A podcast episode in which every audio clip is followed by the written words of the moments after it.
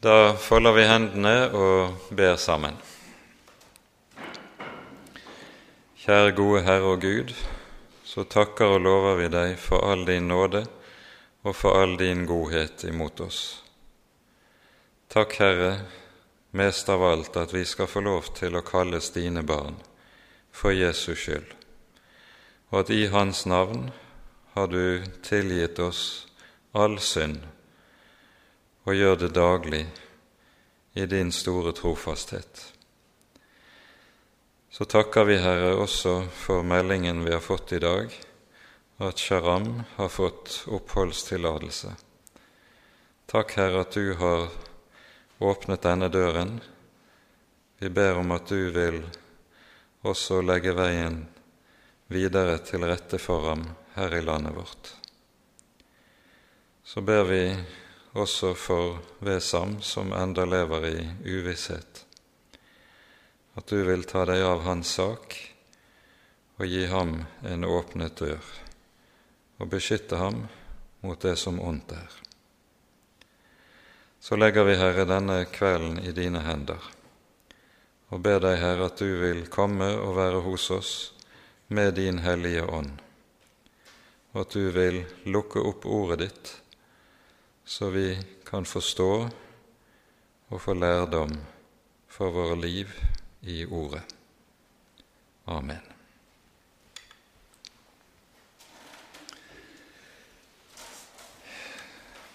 Vi skal altså i kveld ta for oss en del av det som har med Jeremias anfektelser og indre kamper å gjøre. Som vi nevnte på den første innledende bibeltimen om Jeremia-boken, så har Jeremia vært kalt for profetenes jobb. Og dette er på mange måter en eh, treffende beskrivelse. For eh, Jeremia skiller seg på dette området ganske klart fra de øvrige profetene som alle i hovedsak har det som felles kjennetegn at de selv, når det gjelder deres personlige liv, trer tilbake for sitt eget budskap. Dette gjelder så godt som alle skriftprofetene, med ett unntak kanskje, som vi kunne antyde, nemlig profeten Hosea, der vi hører om hvorledes Herren drar Hoseas ekteskapelige liv inn i hans profetiske tjeneste. Men også hos Hoseas er det slik at vi hører svært lite om hans indre kamp og indre strid. Det er rent ytre livsforhold som eh, beskrives når det også tales om hans ekteskap, og hvorledes dette anvendes i, som en del av budskapet til folket.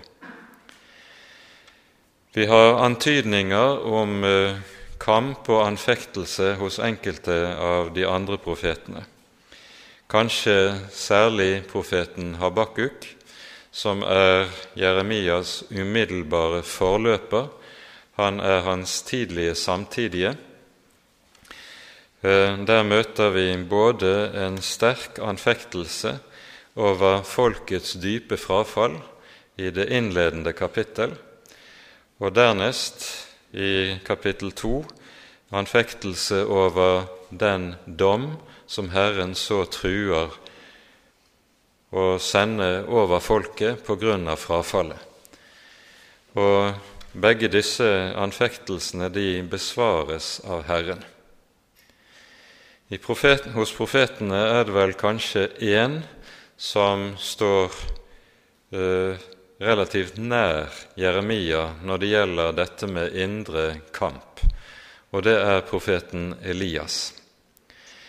Vi hører i det 19. kapittel i første kongebok om hvorledes eh, Elia får en dødsdom over seg av dronning Jesabel etter den veldige seieren etter den veldige kampen som sto på Karmelsberg, eh, mot de 450 Bals profeter. Dette som vi leser om eh, begivenhetene på Karmel, det er jo så å si det store høydepunkt i profeten Elias' liv og virke. Og så kunne vel profeten antagelig forestille seg at nå var veien brolagt for eh, en lykkelig fremtid for Herrens folk, for Nordriket, idet de nå ville vende tilbake til Herren. Men det motsatte skjer.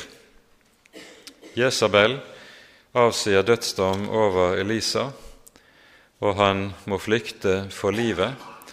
Og under denne sin flukt så går han inn i en dyp depresjon, der det er tydelig, ut fra det vi hører når han endelig trer frem for Herren, at han eh, forestiller seg at hele hans virke og alle hans kamper har vært forgjeves. Uansett hvor meget han har stridd, uansett alle seire som har vært vunnet, alt har likevel vært forgjeves, og han er i dyp nød der han trer frem for Herren, slik vi hører det. Noe lignende er det vi møter hos Jeremia, og det i meget stor utstrekning, nemlig på en sånn måte at hos Jeremia er det likesom slik at han fører det er en utlegger som sier det, sier det på den måten. Han fører likesom sin kamp, sin troskamp, for våre øyne. Og det er meget treffende sagt, for uh, han går likesom med hjertet utenpå. Og det er det vi møter i uh, disse hans kamper, som vi etter hvert skal gå inn på. Det er særlig tre tekster Eh, det dreier seg om i avsnittet som går fra kapittel 11 til kapittel 20. Felles for disse tekstene er at de alle sammen er talt under kong Joakims regjeringstid. Og for å repetere historien her Jeremias startet sitt profetiske virke i kong Josias 13. regjeringsår. Det innebærer at han eh, kommer til å virke i 18 år i Jerusalem før Josias dør i år 609 før Kristus. Da dør han i slaget ved Megiddo. Det er, kong, eh, eller farao Neko som i et slag beseirer Josias og han dør der i slaget. Han etterfølges så av sin sønn Joakim, som er en meget ugudelig konge. Um, og Da er det jo slik at med dette tronskiftet så skifter også Jeremias livsforhold radikalt. Under Josias regjering Josias, som jo var en gudfryktig mann og en gudfryktig konge som søker å føre folket tilbake til Herren, så forstår vi at Josias også har holdt sin hånd over Jeremia, vernet og beskyttet ham mot enhver forfølgelse og ethvert anslag. Så ikke under Jojakim. Med Jojakim så bryter den ugudelighet, den avgudsdyrkelse som har rådet i folket ganske særlig under Manasses regjering, som vi har vært inne på det, den bryter ut igjen i full blomst. Og med dette så blir det også slik at fiendskapet mot Herrens ord og mot Herrens profet kommer til å også bryte ut i full blomst. Nå har Jeremia ikke lenger en konge som holder sin vernende hånd over ham, og rett som det er, så kan han sveve mellom liv og død. Likevel så holdes han oppe og vernes i disse årene, men dette omslaget, der fiendskapet nå blir voldsomt og blir uttalt, hatet mot ham blir så tydelig, så er det like som Jeremia ikke tåler dette. Og det slår inn over ham på en slik måte at han kommer i dyp nød over det, det hat og den motgang han nå kommer til å møte. Og Det er i disse Jojakims regjeringsår at vi også møter disse tekstene som taler om Jeremias dype anfektelse, som han bærer frem for Herren med bønn, klage og til og med anklage mot Gud. Så langt går Herrens profet. Joakim etterfølges jo av sin bror Sedekias, eller Sidkia, som han kalles i de nye bibeloversettelsene. Joakim regjerer i elleve år. Sidkia regjerer også i elleve år. Under Sidkias regjering blir forfølgelsene mer uttalt og ytre. Men da ser det ut til at Jeremia likesom er blitt herdet, og vi møter ikke disse troskamper hos Jeremia lenger under Sidkias regjering som vi møter det under Joakims regjering. Og Derfor har en utlegger sagt det slik at i Joakims regjeringstid er det vi møter Jeremias indre kamper og indre nød.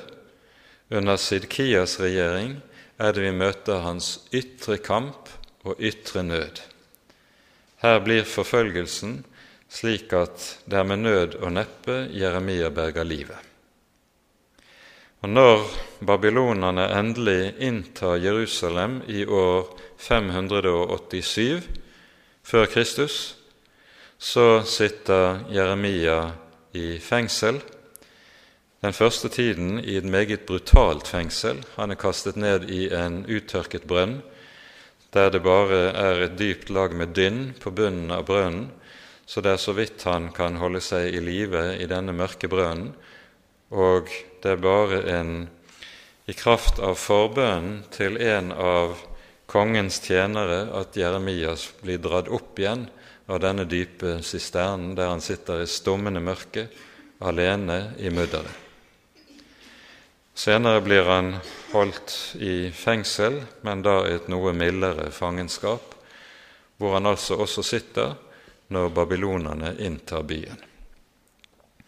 Dette er litt av de ytre forholdene rundt dette som er viktig å være oppmerksom på når det gjelder det vi står overfor her. Det er også slik når det gjelder Jeremias livs forhold, at han på en helt spesiell måte blir stående alene i sitt profetiske virke. Til forskjell fra sine folkefeller så har han ingen, eller får han ingen familie. I kapittel 16 hører vi følgende sies.: Herrens ord kom til meg, og det lød så:" Du skal ikke ta deg en hustru, du skal ikke ha sønner og døtre på dette sted. For så sier Herren om de sønner og døtre som blir født på dette sted, og om deres mødre som føder dem, og om deres fedre som avler dem i dette land. En smertefull død skal de dø. Ingen skal gråte over dem, og ingen begrave dem. Til gjødsel på marken skal de bli, ved sverd og hungersnød skal de omkomme, og deres lik skal bli til føde for himmelens fugler og for jordens dyr.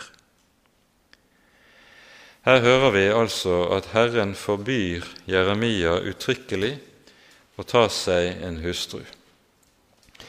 Og Dette er meget spesielt innenfor jødedommen og i de jødiske folk. Det er jo slik i eh, at jødedommen eh, ser på ordene i Første Mosebok 2,24, eh, der det står Derfor skal mannen forlate sin far og sin mor og holde seg til sin hustru, og de to skal være ett kjød. Det ses på blant jødene som et av de første budene i Den hellige skrift. Det er altså en plikt å gifte seg, og det ses på som dypt unaturlig å leve som ugift. Jeremia berøves altså gleden av et normalt familieliv, noe som i hvert fall for en tid kunne vært en trøst for ham å ha et hjem å komme til, noen som sto ham nær, og som var glad i ham. Dette berøves ham. Når det gjelder hans øvrige familie i hjembyen Anatot, en times vei nord for Jerusalem, så er det slik, vi hører dette i kapittel 11 og kapittel 12, de legger Jeremia for hat og støter ham ut og støter ham fra seg. De hykler og smiler pent når han er hjemme, men bak, sin, bak hans rygg taler de ille mot ham, og vi hører sågar om noen i slekten som legger opp planer om å få drept han i et bakhold. Så vi skjønner at Jeremia blir på denne måten stående meget alene i et folk og en kultur hvor familien og familiebåndene betyr så usigelig mye som det gjør både i det jødiske folk og ikke minst den gang så er dette å ikke få lov til å ha familie og bli av, få avskåret normale familiebånd, noe som i seg selv må ha vært meget vanskelig. Hadde Jeremia så ingen støttespillere? Han hadde noen ganske, ganske få som hører hans budskap, tar det til seg, og som hjelper ham når det bærer på. Hans nærmeste medarbeider må vi nevne. Det er Baruk, som er Jeremias sin skriver. Vi hører om ham ved flere anledninger i Jeremia-boken. Et par ganger er det han som blir pålagt å lese opp de profetier som Jeremia har nedskrevet, han, mens Jeremia selv må holde seg i skjul. Og så står Baruk der i Jeremias sted og fremfører det som er nedfelt skriftlig fra profetens hånd. Baruk hører vi om ikke minst i kapittel 36, og i kapittel 45 hører vi at han får Guds særlige løfte gitt seg. Og hva dreier dette løftet seg om? Vi kan lese disse et par vers her fra kapittel 45. Det er et meget kort kapittel. Dette er det ord profeten Jeremia talte til Baruk, Nerias sønn, da han etter Jeremias diktat skrev disse ordene i en bok i Judas konge Jojakims, Josias sønns fjerde år. Så sier Herren Israels Gud om deg, Baruk. Du sa, Ved meg, for Herren har lagt sorg til min smerte. Jeg er trett av å sukke og finner ikke ro. Dette skal du si til ham, så sier Herren, se, det jeg har bygget, det bryter jeg ned. Det jeg har plantet, rykker jeg opp. Og slik går det med hele jorden. Og du ønsker deg store ting. Gjør ikke det, for se, Jeg lar ulykke komme over alt kjød, sier Herren, men jeg vil gi deg livet til krigsbytte på alle de steder der du går hen. Baruk får altså det løftet fra Herren at Herren vil holde ham oppe, bevare ham og verne ham gjennom de forferdelige katastrofer som skal komme til å ramme folket for øvrig. En annen som må nevnes i denne sammenheng, er en vi hører om i kapittel 26. Ved slutten av dette kapitlet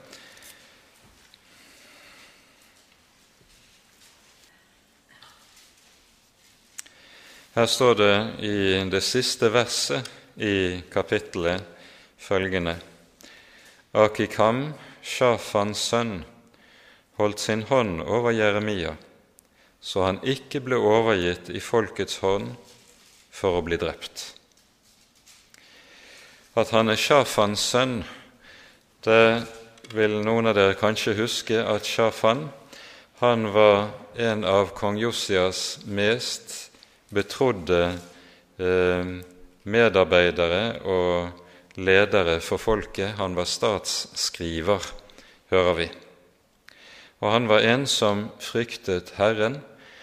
Shafan var en av de som ble sendt i delegasjonen til profetinnen Hulda eh, for å spørre Herren om ordene i Moselov som var gjenfunnet under Josias. Og vi forstår at Shafan har oppdratt sin sønn i den samme tro på Herren, så Akikam er en som slik tar seg av Jeremia i hans nød og trengsel. Og Dette er i denne sammenheng ikke minst uhyre betydningsfullt, for i de foregående vers hører vi følgende, vi kan lese fra vers 20. Det var også en annen mann som profeterte i Herrens navn, Uria, Shemaias sønn fra Kiryat Shearim. Han profeterte mot denne byen og dette landet nøyaktig slik Jeremia gjorde. Kong Jojakim og alle hans krigsmenn og alle høvdingene hørte hans ord, og kongen søkte å drepe ham. Men Uria fikk høre dette og ble redd, og han flyktet og kom til Egypt. Da sendte kong Jojakim noen menn til Egypt, El-Natan, Akbors sønn og noen andre menn med ham. Og de hentet Uria fra Egypt og førte ham til kong Jojakim. Og han lot ham drepe med sverd og kastet liket hans ut på fattigfolks gravplass. Vi forstår at Jeremia hadde all grunn til å frykte for sitt liv. For med dette så hører vi at Jojakim slutter seg til de konger som er profetmordere. Før ham er det kong Manasseh som har vært en av de, verste, de verste, like som vi også hører om kong Akab, som var konge da profeten Elias virket, og Akab var også en slik som tok av dage en rekke av Herrens profeter. Joakim slutter seg altså til disse, og vi forstår av dette hvorledes klimaet har vært i Jerusalem der Jeremia virker. Jeremia har sannelig ikke hatt det enkelt ytre sett. Det er ikke mange han har hatt med seg og har hatt hos seg. De tyngste årene for Jeremia det var antagelig de fire første årene av Jojakims regjering, dvs. Si årene fra år 609 før Kristus til år 605. For i år 605 skjer det noe som snur opp ned på mange ting, nemlig det at profetiene som Jeremia har talt, begynner å gå i oppfyllelse. Og dette blir tydelig i øynefallene for hele folket.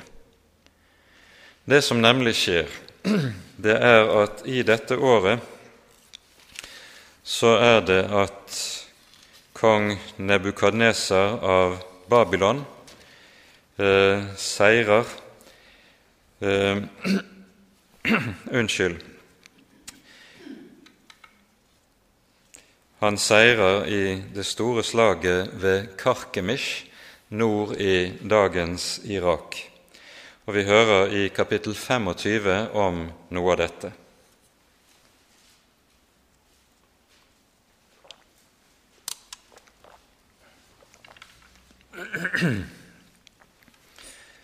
Dette er det ord som kom til Jeremia om hele Judas folk.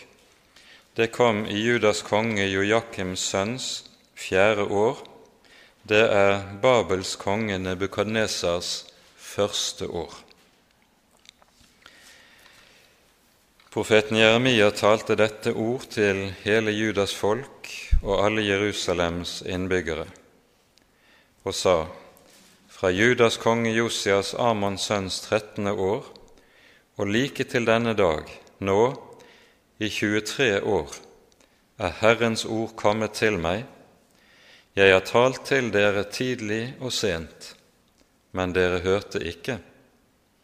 Herren sendte meg til dere, sendte til dere alle sine tjenere, profetene, tidlig og sent, men dere hørte ikke, og dere vendte ikke øret til for å høre. Han sa, Vend om hver fra sin onde vei og fra deres onde gjerninger. Så skal dere få bo i det land Herren ga dere og deres fedre fra evighet og til evighet. Følg ikke andre guder så dere dyrker dem og tilber dem. Vekk ikke min harme ved deres egne henders verk så jeg ikke skal gjøre dere noe ondt.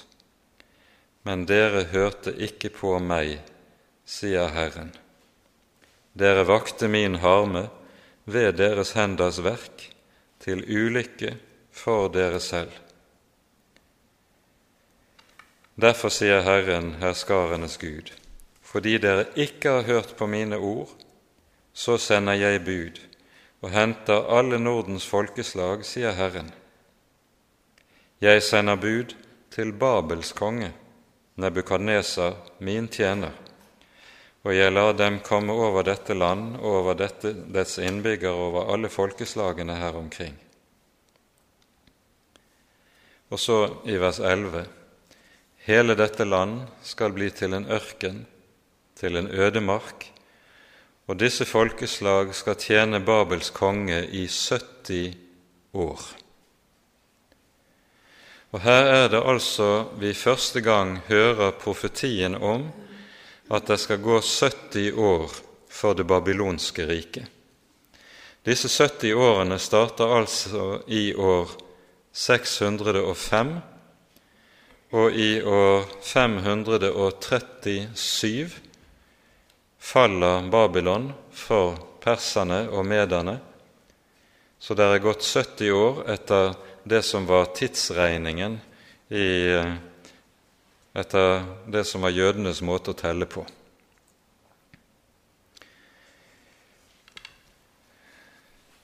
Og med dette så har altså profetiene begynt å oppfylles. Etter slaget ved Karkemish rykker Nebukadnesar sørover langs havveien, og han kommer også til Jerusalem og Jojakim tvinges til å slippe Nebukadnesa inn i Jerusalem. Og Judariket blir et lydrike under babylonerne. Det er, den, det er ved denne anledning vi hører om den første kontingenten av fanger som bortføres til Babylon. Nå tar Nebukadnesa gisler med seg fra de ledende i folket, fra hoffet. Og fremst blant disse gislene er en ung, meget ung mann som heter Daniel. Det er i år 605 Daniel og hans tre venner bortføres til hoffet i Babylon.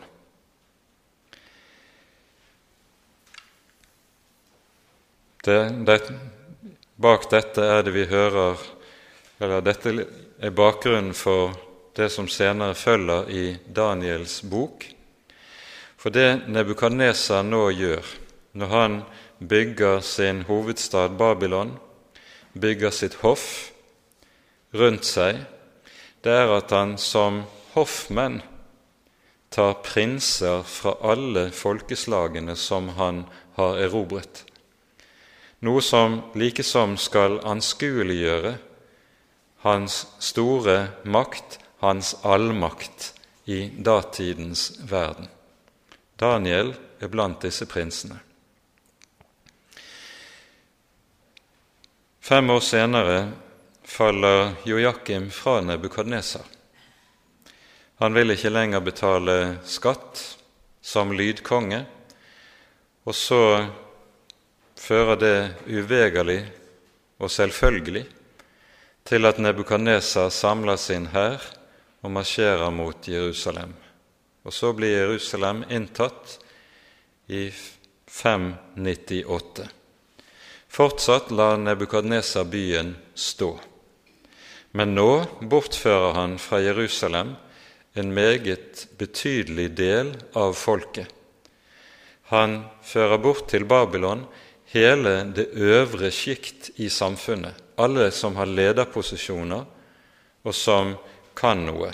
Hele den økonomiske, politiske og militære eliten bortføres i fangenskap i Babylon.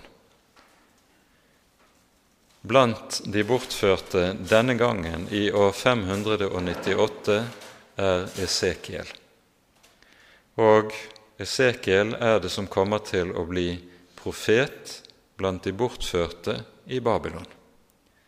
Så dette er et glimt fra historien. Vi sa ved, som dette glimt fra historien som Jeremia lever i. Vi forstår det er en meget beveget tid, og vi nevnte første gang da vi var sammen om Jeremia, at han hører med blant historiens stormfugler. Det er en uhyre stormfull tid Jeremia virker i. Og dette at han virker i en slik tid, det får også så å si sitt speilbilde i at han opplever sterke indre stormer. Og det skal vi nå se litt nærmere på. Vi går først til det tolvte kapittelet i Jeremias bok.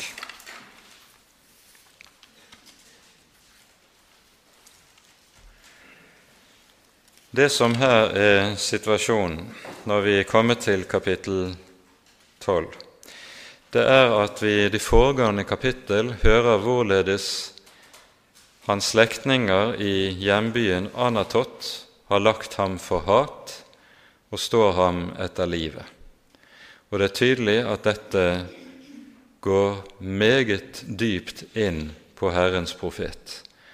Og han begynner å føle en anfektelse som vi også hører tilsvarende til i andre sammenhenger i vår bibel. Vi leser fra begynnelsen av kapittel 12. Herre, når jeg tretter med deg, har du alltid rett. Likevel må jeg gå i rette med deg. Hvorfor går det den ugudelige vel? Hvorfor har de troløse ingen sorger? Du har plantet dem, og de har slått rot. De vokser opp og bærer frukt. Du er nær i deres munn, men langt borte fra deres hjerte. Men du, Herre, du kjenner meg. Du ser meg, du prøver mitt hjertelag mot deg. Ta dem bort som sauer til å slaktes. Innvi dem til en drapsdag. Den anfektelse som Jeremia her setter ord på, den møter vi igjen i Salme 73 hos Asaf, hvor du har dette spørsmål som stilles Hvorfor går det de ugudelige vel, mens de som frykter Herren, de opplever lidelse, motgang og nød? Har ikke Herren i sitt ord høytidelig lovet sin velsignelse til dem som frykter ham, og motsatt lovet å forbanne de ugudelige. Hvordan kan det da ha seg at de rettferdige lider ondt, mens de ugudelige har medgang og har det godt? Den tilsvarende anfektelse Jeremia smaker, som vi hører Asaf setter ord på. Det er noe av dette som også møter oss i Jobbs bok. Og eh, når vi nå hører Guds svar til eh, Jeremia, nemlig i vers 5 og vers 6, så er det en ganske røff sjelesorg som Herren her gir sin profet.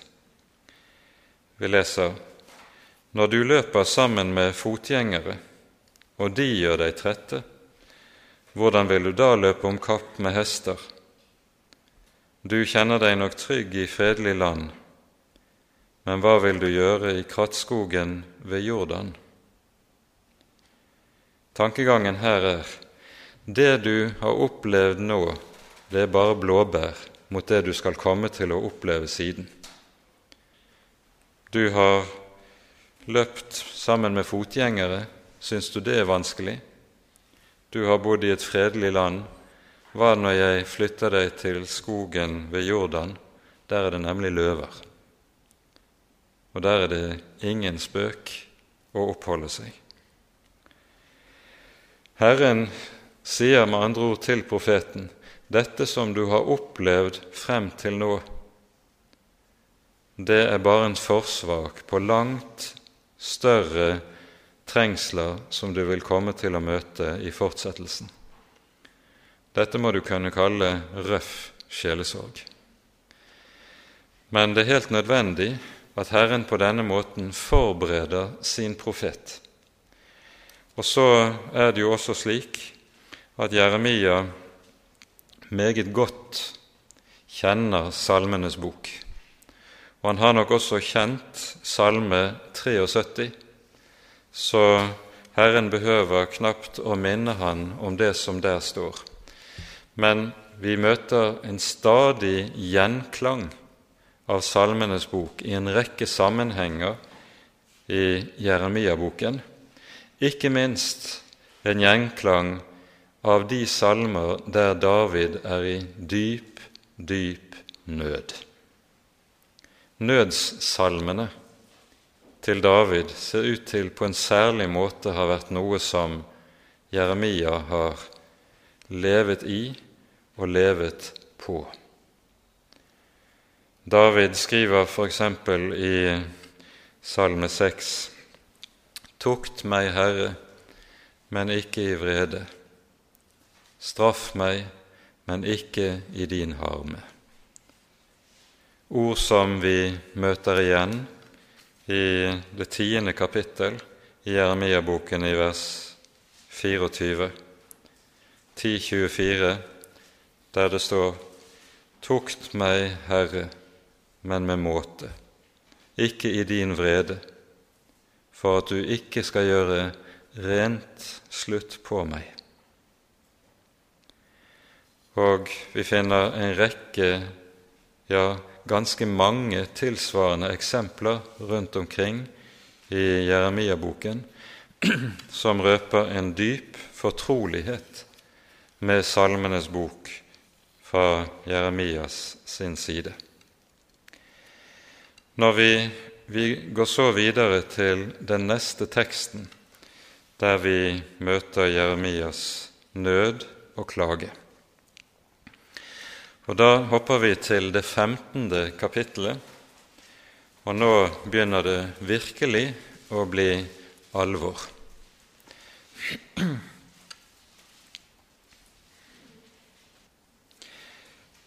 Vi hører tidligere i kapittelet hvorledes Herren forbyr profeten å be for folket. Dette forbudet gjentas tre ganger i Jeremia-boken.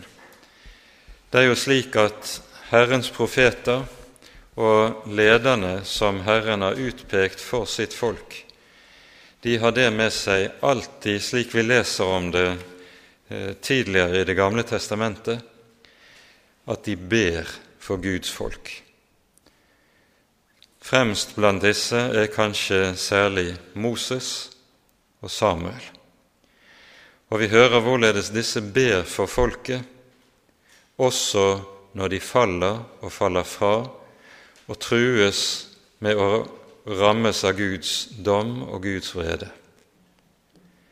I motsetning til både Moses og Samuel og de øvrige av Herrens profeter, så er det slik at Herren forbyr Jeremia å be for folket. Og han sier, 'Om du ber for dem, så vil jeg ikke høre deg'.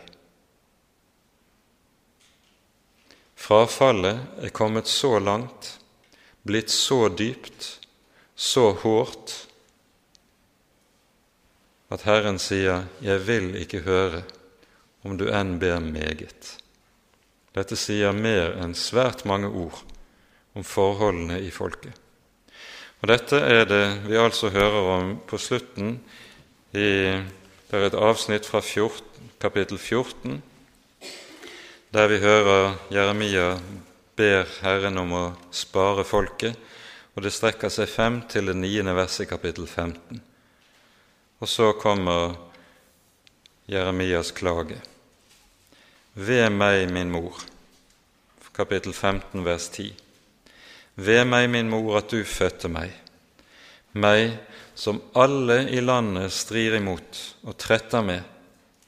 Jeg har ikke lånt dem noe, og de har ikke lånt meg noe, men enda forbanner hver mann meg. Og så kommer Guds svar. Herren sa, Jeg vil visselig fri deg ut, så det går deg vel. Jeg vil visselig la dine fiender bønnfalle deg i ulykkens og i nødens tid. I grunnteksten er dette her formulert som en ed. Gud avlegger ed på at han vil fri Jeremia ut, holde ham oppe så det går ham vel midt i alt. Og det som her sies, 'Jeg vil la dine fiender bønnfalle deg i ulykkens og nødens tid', det stadfestes når vi senere hører at når fienden står for Jerusalems porter, så sender selv den ugudelige konge Sidkia sendemenn til Jeremia, og de spør Jeremia om han vil be for dem. Det skjer, men det går enda noen år før så langt er gått. Så Herrens umiddelbare svar på denne første klage, det er et trøsteord som bærer i seg også en profeti om det som senere hen skal skje. Men så bryter klagen ut på ny, og da kommer vi til vers 15. Og nå bryter det virkelig løs. Vi leser fra vers 15. Du vet det, Herre, kom meg i hu og se til meg, og la meg få hevn over dem som forfølger meg. rykk meg ikke bort mens du er langmodig mot dem. Tenk på at det er for din skyld jeg blir hånet. Jeg fant dine ord, og jeg åt dem. Og dine ord var til fryd for meg og til glede for mitt hjerte. For jeg er kalt ved ditt navn, Herre, herskarenes Gud. Jeg har ikke sittet i de lystiges lag og jublet. Grepet av din hånd har jeg sittet ensom, for du fylte meg med harme. Hvorfor er min smerte evig og mitt sår ulegelig? Det vil ikke la seg lege. Du er jo blitt for meg som en sviktende bekk, som vann en ikke kan stole på. Og nå hører vi at Jeremia går langt. Først hører vi i vers 15 at Jeremia ber Herren se til ham. Og vi skjønner at det er et problem for Jeremia, dette at Herren er mer langmodig og tålmodig med de ugudelige i Jerusalem enn han selv er. Jeremia mener tydelig at slik fiendskap som han stadig møter, det må jo Herren nå endelig sette en stopper for. Hvorfor er Herren fortsatt langmodig? Han mener nå må Herren skride inn og dømme og straffe dem. Men Herren er fortsatt langmodig. Så minnes han kallet i vers 16. Jeg fant dine ord, og jeg åt dem. I kallelsesfortellingen hører vi jo Herren rekker ut sin hånd og legger sine ord i Jeremias munn. Det skjer så å si bokstavelig. Og så gjenforteller Jeremia dette. Jeg fant dine ord, og jeg åt dem. Herrens ord var til fryd for ham og til glede for hans hjerte. For jeg er kalt ved ditt navn. I dette ligger det jo en sannhet som er grunnleggende for alle Guds barn. Guds ord er nettopp en slik mat som har det med seg at det er til fryd og til glede for Guds barn. Det er helt sentralt. Men dette Herrens ord har også ført til at Jeremia er blitt en ensom mann. Jeg har ikke sittet i de lystiges lag og jublet. Hvorfor er min smerte evig, mitt sår ulegelig? Vil, det vil ikke la seg lege. Og så kommer det Du er jo blitt for meg som en sviktende bekk. Han sier med andre ord til Herren, Du er ikke til å stole på. Du har ikke holdt det du har lovet. Du har sviktet meg. Det er en veldig anklage som ligger i dette hos Jeremia. En anklage mot Gud, en anklage som er fremprovosert av ensomheten, hatet og forfølgelsen som han er gjenstand for. Hvorfor skal jeg ha det slik? Hvorfor har du sviktet meg, så jeg må oppleve slike ting? Og Da skal vi legge nøye merke til hvorledes Herren svarer sin profet. For han svarer ham med å minne ham om noe som lød da han ble kalt til profet. Og sammen med dette, denne påminnelsen følger det en skarp advarsel. Herren kommer altså ikke nå med trøstens ord, som vi hørte det i vers 11. Nå sies det i stedet Derfor sier Herren, hvis du vender om, så vil jeg la deg komme tilbake og stå for mitt åsyn. Hvis du skiller det edle fra det uedle, skal du være som min munn. De skal igjen vende om til deg, men du, skal ikke vende om til dem. Vi forstår når Herren sier hvis du vender om, hvis du skiller det uedle fra det edle,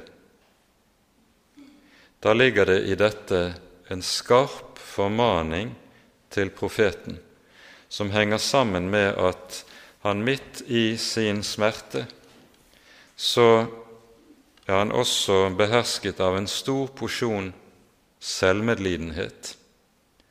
Og en selvmedlidenhet som henger sammen med at det er mye mennesketanker som er blandet sammen med det Guds ordet som han har mottatt. Og så For dette er jo det som ofte skjer når et menneske opplever dyp nød. Da ser en ikke lenger klart. Og hvorfor ser en ikke klart? Jo, det er nettopp fordi det, det blandes opp inni oss det som er Guds ord, og det som er våre egne tanker. Og så kommer man inn i en tåke hvor man ikke lenger er i stand til å se tydelig og se klart. Og nettopp dette at man ikke ser klart lenger, det er noe av det som gjør det enda tyngre når man er inne i slike ting. Herren kommer altså til ham ved denne anledning dersom du vender om. Det å komme dit hen at en begynner å anklage Gud, det er noe et Guds barn aldri kan gjøre. I anklagen mot Gud så ligger det en egenrettferdighet til grunn, en egenrettferdighet som har det med seg, som vi også møter hos Jobb, der en sier 'Jeg har rett, Gud har feil'.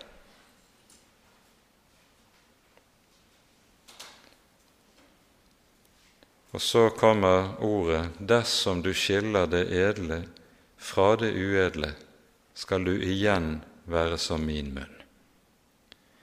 I denne dype nødsituasjonen så får Jeremia altså klare ord om at han må vende om.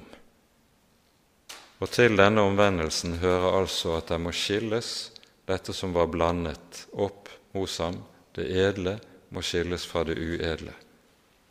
Og så minnes han, som vi hører i vers 20, på ny om ordene ifra kallelsesberetningen.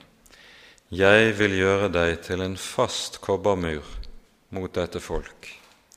De skal stride mot deg, men ikke få overhånd over deg, for jeg er med deg, sier Herren og jeg vil frelse deg og redde deg, sier Herren. Og så ser vi i dette en annen sak som også er meget karakteristisk i Guds ord og i Guds måte å stelle med sine på. Nød, anfektelse og trengsel blir ofte utgangspunktet for fornyelse. Og det er nettopp det at løftet fornyes for Jeremias i denne sammenheng, som også blir til hjelp for han. Han minnes om det Herren sa til ham første gang. Fornyelsen består altså ikke i at det kommer noe nytt, men han minnes om å føres tilbake til det som sto der fra begynnelsen. Det siste avsnittet vi må se på, det må bli ganske kort. Det finner vi i kapittel 20. Foranledningen til det som vi her hører, det er at Jeremia har stått i tempelet og talt Herrens ord til folket. Og Ved denne anledningen så blir han pågrepet av lederen for tempelvakten, en prest som heter Pashur. Og eh, både gir Jeremia slag Han får antagelig den, det som kalles stokkeslagstraffen, 39 slag, og settes så i stokken. Han fengsles på en relativt brutal måte eh, inntil han dagen etter løslates igjen. På løslatelsen følger noen meget tunge domsord over Pasjor, men dette han her har opplevd i tempelet, fører ham inn på ny i dyp anfektelse. Vi leser fra vers 7.